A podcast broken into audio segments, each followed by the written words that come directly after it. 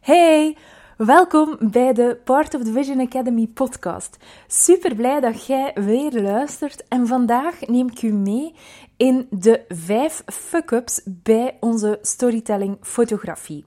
Weet dat Thomas en ik ook van ergens komen en dat, dat er heel wat zaken de revue gepasseerd zijn die ervoor zorgden dat we niet zo snel gingen groeien. Um, we zijn wel snel gegroeid, maar er zijn altijd dingen die dat je tegenkomt op je pad, die dat je ook nodig hebt om echt te kunnen gaan groeien. En je moet eerst inzien dat, die, dat je die nodig hebt. Nu, ik ga u meenemen in vijf fuck-ups. Um, je gaat in deze podcast antwoorden krijgen op bepaalde vragen. En die vragen uh, zijn bijvoorbeeld: wat als je bang bent om regisseren los te laten? Waarom vind jij het moeilijk om te wachten tot er een echt moment plaatsvindt of volledig voor dat moment te gaan? Waarom groeit uw storytelling fotografie zo moeilijk? Dit zijn vragen waar dat je een antwoord gaat op vinden in deze podcast. Dus duik er zeker en vast met mij in en dan gaan we het hebben over die vijf fuck-ups. Vijf fuck-ups, ja, vijf. En ik heb er, ben er echt even voor gaan zitten en even gaan nadenken van welke zijn de dingen dat ons nu echt ja, vastgezet hebben in onze storytelling fotografie vanaf het moment dat wij begonnen fotograferen. En een eerste fuck-up was, en is een heel, um, ja, een heel overkoepelende. Um, toen wij begonnen met fotograferen, dan konden wij heel mooie portretfoto's maken. Wij konden um, heel kleurrijke beelden maken. En dat was ook iets wat wij onmiddellijk te horen kregen van onze klanten.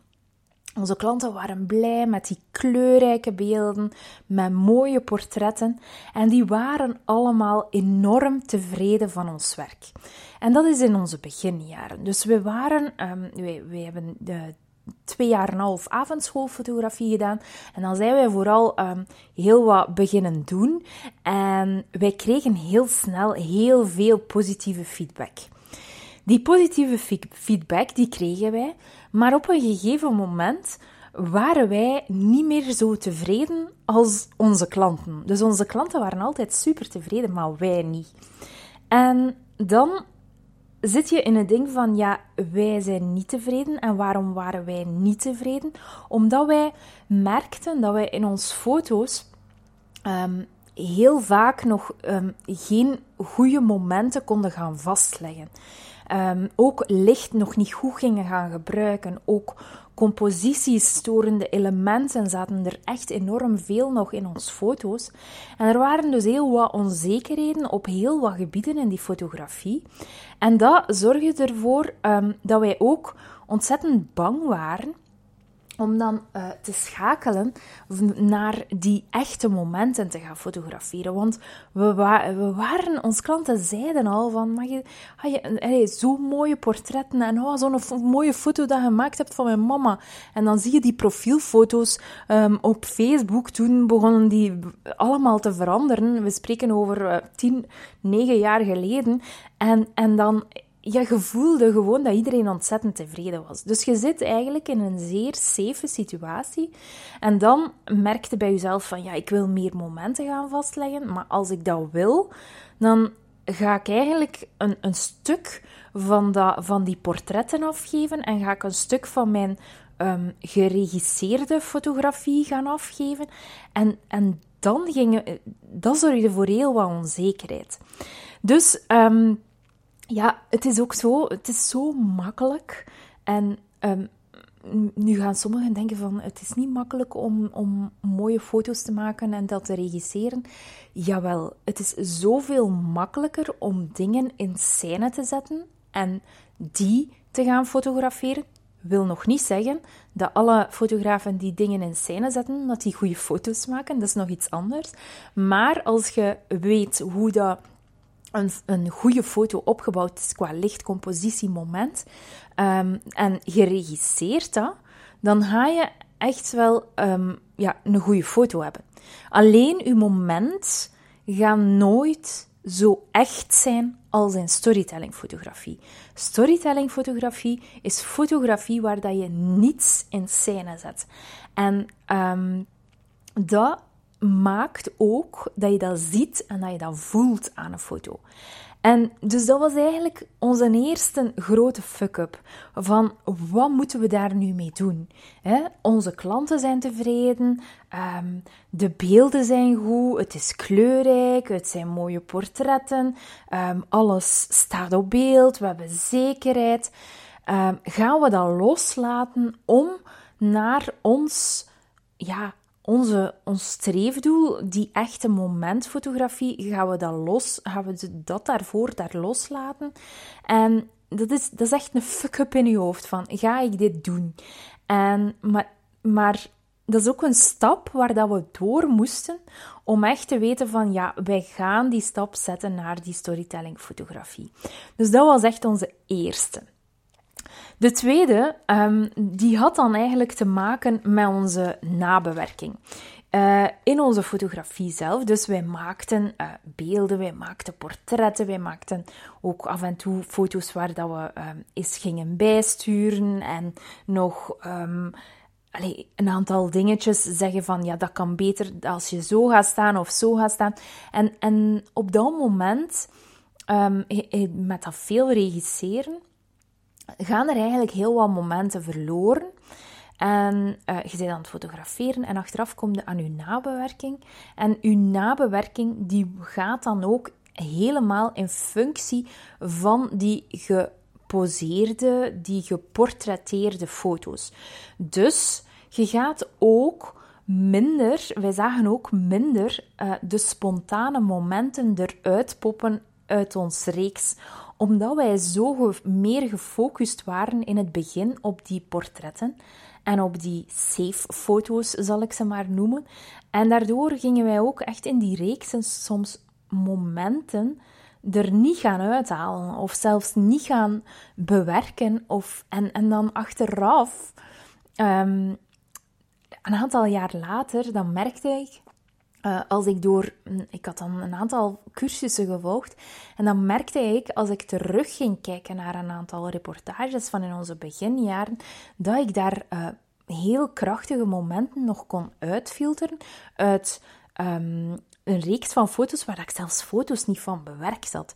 Dus op dat moment zag ik het gewoon nog niet, wat dat precies die storytelling fotografie was.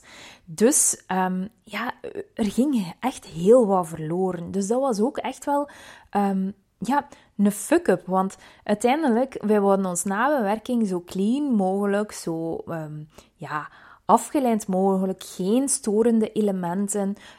Een hand dat, dat bijvoorbeeld in het beeld kwam, dat was storend voor ons. Terwijl dat we nu dat zien als meer verhaalbrengend in het beeld. En als dat juist geïntegreerd wordt in een beeld, dan kan het zoveel meer gaan vertellen. Alleen zagen we het in het begin nog niet. En dat is dus ook een heel grote fuck-up, uh, dat je op het moment uh, dat je aan het nabewerken bent, dat je het eigenlijk zelfs nog niet ziet. Dus dat was de tweede fuck-up. De derde fuck-up, dat is de um, de fuck-up, waarbij dat je eigenlijk, en ik, ik zeg nu veel fuck-up, ik, ik, hoor mezelf het zoveel herhalen, um, moest dit um, ondertiteld worden, dan is het altijd met een tuut, maar jullie kunnen het allemaal wel horen, denk ik. Um, nu, uh, de derde is, het is zo, als je zelf nog te veel gaat regisseren, te veel gaat ingrijpen in je fotografie, um, te veel gaat denken in portretten, in mooie foto's van individuele mensen, als je minder in verhaal gaat denken, dan trekt je dit ongetwijfeld ook door in je communicatie naar je klant. Wat wil ik daarmee zeggen? Het is zo, en dit is iets wat ik bij onszelf ook heel sterk heb zien evolueren. Toen wij in het begin starten, dan hadden wij gesprekken met um, koppels die um, hier kwamen bij ons voor een huwelijk. En onze gesprekken, onze infogesprekken, of kennismakingsgesprekken, die gingen um, eigenlijk heel, er heel strak aan toe. En daarmee bedoel ik, um, dat was heel to the point en dat was um, ja, uh, echt gaan opsommen van uh, dit zijn de pakketten en dit is er allemaal mogelijk. En dat was heel strak. Ook onze fotografie was op dat moment ook zo, want wij hadden echt heel veel mooie portretten. Wij hadden een foto van de kus, wij hadden een foto van binnenkomen, wij hadden een foto van um, een mooie familiefoto, wij hadden um, uh, alle bruidskindjes samen. Ik, ik ben nu alleen maar in huwelijksfotografie aan het spreken, maar dit was ook zo bij familiefotografie. Maar eigenlijk was alles heel strak. En ook onze communicatie was zo. Vanaf het moment dat wij begonnen uh, na te denken uh, van, ja, we willen meer uh, verhaal in onze foto's, wij willen meer lagen in onze foto's, wij willen, willen in elk beeld een, dat mensen daar een verhaal kunnen gaan bij vertellen. Op het moment dat we dit begonnen doen, begonnen we dit ook te doen in onze communicatie. We begonnen ook veel meer verhalen te gebruiken om eigenlijk uh, aan onze klanten uit te leggen wat dat wij deden. Wij werkten niet meer in onze communicatie met pakketten, maar, maar wij werkten met verhalen. En we werken zo nog altijd trouwens. Dus, um, en, en dat is ook een heel mooie om te zien dat, dat, u, um, dat alles wat dat je doet, um, eigenlijk doorgetrokken wordt in elke tak van je fotografie waarmee dat je bezig bent. Dus bij ons zag je dat dus ook heel sterk in dat infogesprek. Um, en, en je gaat nu misschien denken van, ah ja, ja, maar ja, alleen pakketten, dat, dat doet er nu toch niet. Uh, wij vertelden daar ook nog iets anders bij, maar nu uh, zijn onze infogesprekken zoveel meer um, over dat verhaal vertellen. Dat is volledig anders opgebouwd, waardoor dat um, dat er ook voor zorgt dat wij veel meer mensen hebben die direct zeggen ja. En die zeggen direct ja op het moment dat ze hier aan tafel zitten en dat ze hier voelen van, ah ja, dit is wat wij willen. En dit hadden we in het begin van onze fotografiecarrière totaal niet. Uh, in het begin van onze carrière hadden we de uh, koppels die bij ons kwamen en die um, ook nog bij andere fotografen langs gingen. Want eerlijk gezegd, er waren er zo heel veel fotografen die mooie portretten maken, die elk momentje hebben en um, ook de geposeerde foto aan de trap en, en dergelijke. Dat soort dingen. Zo waren er kei veel. Nu zijn wij storytelling en zijn wij ja, wij maken die echte beelden. En dat maakt dat je heel hard gaat onderscheiden. En dat maakt dat mensen nog veel meer um, gaan kiezen voor u. Dus dat is ook uh, ja, iets dat we echt meegenomen hebben en dat we zien, nu zien ook als een fuck-up van, ah ja, het, het is eigenlijk iets dat we deden, maar we, wisten het op dat moment niet. En we hadden het ook nodig om dit eerst te doen, om dan nu te komen tot deze allez, mooie manier van communiceren naar onze klanten toe uh, in infogesprekken en dergelijke. Een vierde fuck-up uh, dat we nu ook zien, dat is um, dat wij, um, wij namen in het begin van onze carrière van fotografie namen wij heel weinig tijd om te gaan stilstaan bij wat dat we echt belangrijk vonden. Wij waren vooral aan het um, fotograferen in functie van onze klant. En op zich waren we onszelf een stuk aan het verliezen, omdat onze klanten zo super tevreden waren. En daardoor uh, verloren we ook wel zo wat ja, de connectie met onszelf. En het is eigenlijk um, zo dat wij dan, daardoor hadden wij dus eigenlijk de ene shoot na de andere. En um, die, maar het gevoel dat we daarbij hadden, was dat we niet altijd gelukkig waren.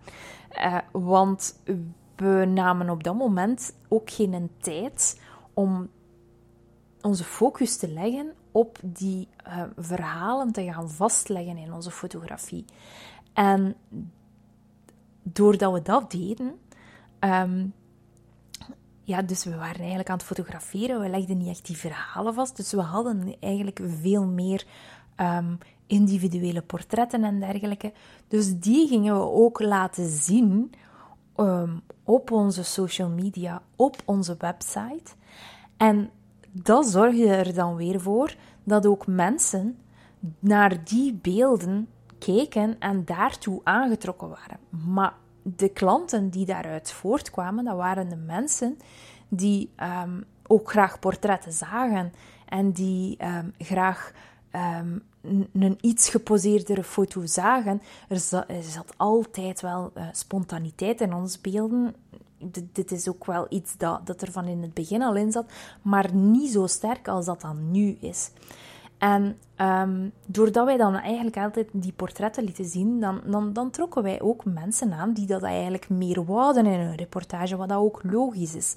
En daardoor, ja, dat is een, dat is een sneeuwbaleffect. En, en zo krijg je altijd meer boekingen voor hetzelfde. En, en dan, we waren goed en we kregen boeking na boeking. Maar we stonden er niet bij stil. En op dat moment, um, ja, voordat je het weet, blijf je daarin vastzitten. Dus wij hadden ook wel door dat wij inderdaad naar die storytelling wouden. En op een gegeven moment hebben wij echt wel alles gaan omswitchen. En hebben wij op reportages tijd genomen om echt te gaan werken aan verhalen vertellen in één beeld. Onze tijd nemen, daarvoor wachten. Al die dingen zijn we gaan doen. En dan zijn we met die beelden naar buiten gekomen. En op dat moment dat we dat gedaan hebben, dan is alles veranderd. En zijn er ook andere klanten beginnen komen. En um, zijn de klanten gekomen waarbij dat we nog een veel beter gevoel hadden. Want die uh, vertelden ons van ja, we willen echt die spontane beelden. Wat dat jullie maken, dat, is, dat voelde in dat beeld. Dat daar echt uh, emotie in zit, dat daar humor in zit, dat daar connectie in zit. Um, en, en dat wouden we. En dat is ook een heel belangrijke. Dus weet um, dat, dat uw eigen social media, uw eigen website, alles wat je naar buiten stuurt, dat kan ervoor zorgen dat jij blijft vastzitten in iets waarin dat je misschien niet wilt zitten. En dat hebben wij ook echt ervaren. Dus dat was ook voor ons een heel um, ja, een fuck-up en, en op zich ene die we ook nodig hadden om weer te beseffen van, ah ja, oké, het zit ook daar weer. Um, dat het ja, een, een effect heeft op je fotografie. En dat is niet te onderschatten van um, elk aspect dat komt kijken bij fotografie, uh, bepaalt ja, hoe dat je naar buiten komt, hoe, dat, u, dat je gezien wordt um, en, en wat dat je van opdrachten binnenkrijgt. En dat is echt heel uh, goed om daar eens ook bij stil te gaan staan. En dan een laatste fuck-up is um, de omgeving. Um, en, en dat was een heel belangrijke ook en een heel moeilijke in het begin. Maar als je um, gaat voor storytelling fotografie, dan zal je je manier van fotograferen gaan aanpassen. En doordat je die manier van fotograferen gaat aanpassen, ga je sowieso ook mensen op je reportage bij u krijgen en die, die gaan u ook dingen zeggen. En de dingen die, dus die ze dan gaan zeggen is bijvoorbeeld: Ja, maar zo kan ik dat ook zijn. Als je zo 30 foto's achtereen trekt, dat je dan een keer één goede net. Misschien herkenbaar. Wat, dat er, wat dat soms nog gezegd wordt, is van um, dat ze zo, ja, dat ze zeggen van, ah ja, uh, maar ja, met die digitale camera's van tegenwoordig is dat toch allemaal veel gemakkelijker. Hè? Of, amai, jij zit hier wel lang te wachten, hè? Waarom zit jij hier zo lang te wachten? Er zijn zoveel ding, andere dingen dat aan het gebeuren zijn. Dit zijn dingen dat gebeuren. En dus de omgeving, als jij op een huwelijk zit of op een familiefeest of op een, ehm, ja, uh, op, op, ik zeg maar iets, een reportage met, met andere mensen en er, er zijn ook mensen die naar u aan het kijken zijn, dan ga je dit soort dingen te horen krijgen. Dit heeft een effect op u. Dit kan een effect hebben op u. Dit had ook een effect op mij. Excuseer. Maar um, ik heb snel geleerd dat ik wist waarom dat ik dingen aan het doen was. En als ik wist waarom dat ik dingen aan het doen was, dan kon het mij ook eigenlijk geen hol meer schelen wat dat mensen tegen mij zeiden. Want ik wist waar dat ik aan het werken was. En dit is iets um, dat, dat ontzettend makkelijk is om op dat moment terug te gaan vervallen in van ik ga terug voor mijn safe um, foto's en ik ga terug doen uh, alsof ik heel druk bezig ben en ik ga niet stilstaan of ik ga niet blijven wachten op, op iets waar, wat dat ik voorspel. Dat is heel makkelijk om dat dan allemaal te laten vallen. Maar als je echt weet wat dat jij wilt doen, waar dat je naartoe aan het werken bent, dan uh, maakt het u niet uit dat mensen dit soort dingen gaan zeggen. Dus weet uh, dat uw omgeving ook een um, bepaalde um, ja, reactie heeft op uw manier van fotograferen. En um, daarom is het ook heel goed om te weten dat je wat dat je precies aan het doen bent. Dus dat is echt wel een heel belangrijke. En daarmee wil ik ook toekomen van, ja, hoe kun je er nu voor zorgen dat je storytelling fotografie kunt gaan neerzetten zonder daar te gaan inboeten op zekerheid. Hoe kun je daarvoor zorgen? En dat is eigenlijk door um, stap voor stap elk, elk element van storytelling fotografie te gaan aan, aan te pakken. Want er zijn zoveel facetten waar dat je rekening mee moet houden. En je kunt het niet allemaal in één keer. En daarvoor is het ook ontzettend belangrijk dat je daarvoor een leidraad hebt. Dat je weet van, ah oké, ik kan uh, starten met bijvoorbeeld te gaan kijken uh, naar mijn compositie, naar bijvoorbeeld naar de lijnen heel, dit is heel vaag nog, maar dit is wat je kan doen. En dit aspect dan gaan uitlichten en u daar gaan op focussen en zo elke keer stap voor stap te gaan opbouwen. En dan ga je merken dat je zoveel meer dingen gaat zien, dat je zoveel meer dingen gaat kunnen combineren met elkaar. En dat sowieso uw foto's laag voor laag nog meer opgebouwd worden. En dat is iets dat echt moet gebeuren stap voor stap. Dat je moet kunnen implementeren, dat je moet kunnen oefenen en dat je zoveel mogelijk echt moet gaan doen in de praktijk, om dan echt te gaan ja, knallen met beelden waarin dat er echt die gelaagdheid in zit, waar dat als iemand die foto ziet, dat die zegt van ja, amai. En oh, kijk een daar. En die en met dat. En die is met die aan het praten. En oeh, oh, en hier op de voorgrond is er zo... Ah ja, dat is juist. Er was daar zo'n een, een, boek. Oh, echt, eigenlijk zou iemand um, bij een foto echt een volledig verhaal moeten kunnen gaan vertellen. En als je dat hebt, dan heb je een storytellingbeeld. Dus hoe kun je dat nu neerzetten? Hoe kun je dat stap voor stap gaan implementeren? Wel, dat is door echt um, ja, iets, een leidraad te hebben om dat te gaan volgen. Daarvoor heb ik de cursus Catch the Action gemaakt, waarin dat ik u daarin begeleid. Stap voor stap. We gaan kijken naar, naar wat is eerst storytelling fotografie, hoe wordt dat gedaan, wat zijn bijvoorbeeld supersterke fotografen die dat allemaal doen, neem ik u in mee. Um, we gaan kijken naar um, licht, hoe kunnen we gaan werken met soorten lichtsituaties? Nu vandaag is het bijvoorbeeld super hard licht. Hoe ga je daarmee gaan werken? Hoe kan je gaan kijken met dat hard licht? Maar even, even goed van, het is een bewolkte dag. Hoe kan ik daar dan creatief mee gaan omspringen? Allemaal uh, elementen waarmee dat we gaan werken. Verschillende soorten licht. Composities, verschillende soorten composities. Momenten.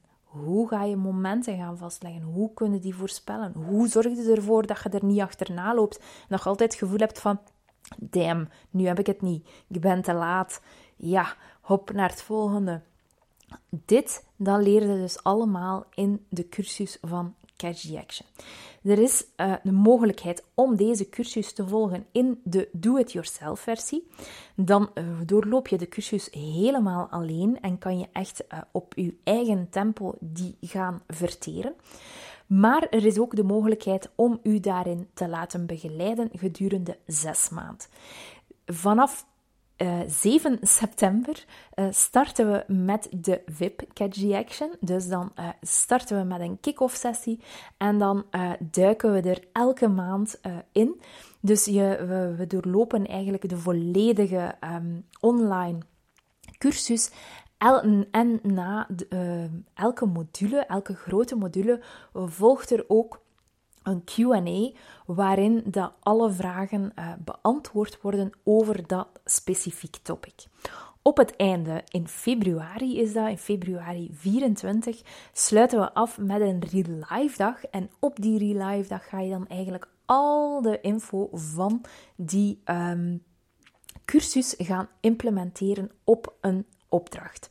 Een volledige voormiddag fotograferen en in de namiddag gaan we dan heel diep in die beelden duiken om dan echt te komen tot van uh, wat zit er al goed, waar kun je nog meer gaan opletten, um, wat zijn de dingen die, die um, kunnen verbeteren, um, hoe zit dat bij andere uh, collega's, want we doen dit ook in groep, dus je leert zowel uh, voor jezelf, maar je leert ook wel van anderen, ook van de feedback van anderen. Dus dat zijn allemaal dingen dat we gaan doen in VIP Catch the Action.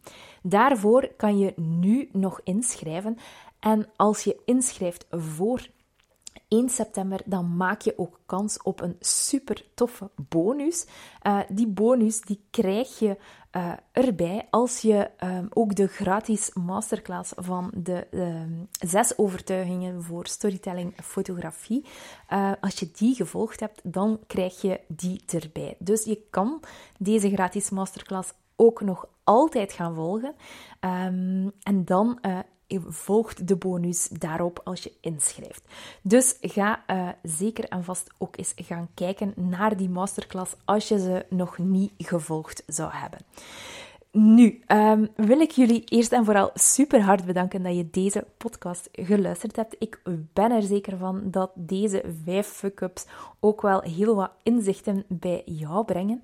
Um, Super fijn dat je geluisterd hebt. Laat ook zeker en vast een uh, review na op deze podcast als je er heel wat nuttige dingen hebt uitgehaald of je hebt er een super fijn gevoel bij. Dan mag je uh, een aantal sterren geven, uh, want dan maakt het voor mij ook super leuk. Dan ga ik ook meer fotografen gaan bereiken om die storytelling fotografie meer in de kijker te zetten. Want uh, dat is wat ik echt wil: dat meer en meer fotografen nog beter verhalen gaan vastleggen. En minder uh, foto's, uh, minder gaan regisseren op reportages, minder portretten maken, maar echt krachtige verhalen gaan vertellen. Dus laat zeker en vast een review na, na met een aantal sterren, want dat helpt mij ontzettend. Dikke merci en tot de volgende podcast. Dag!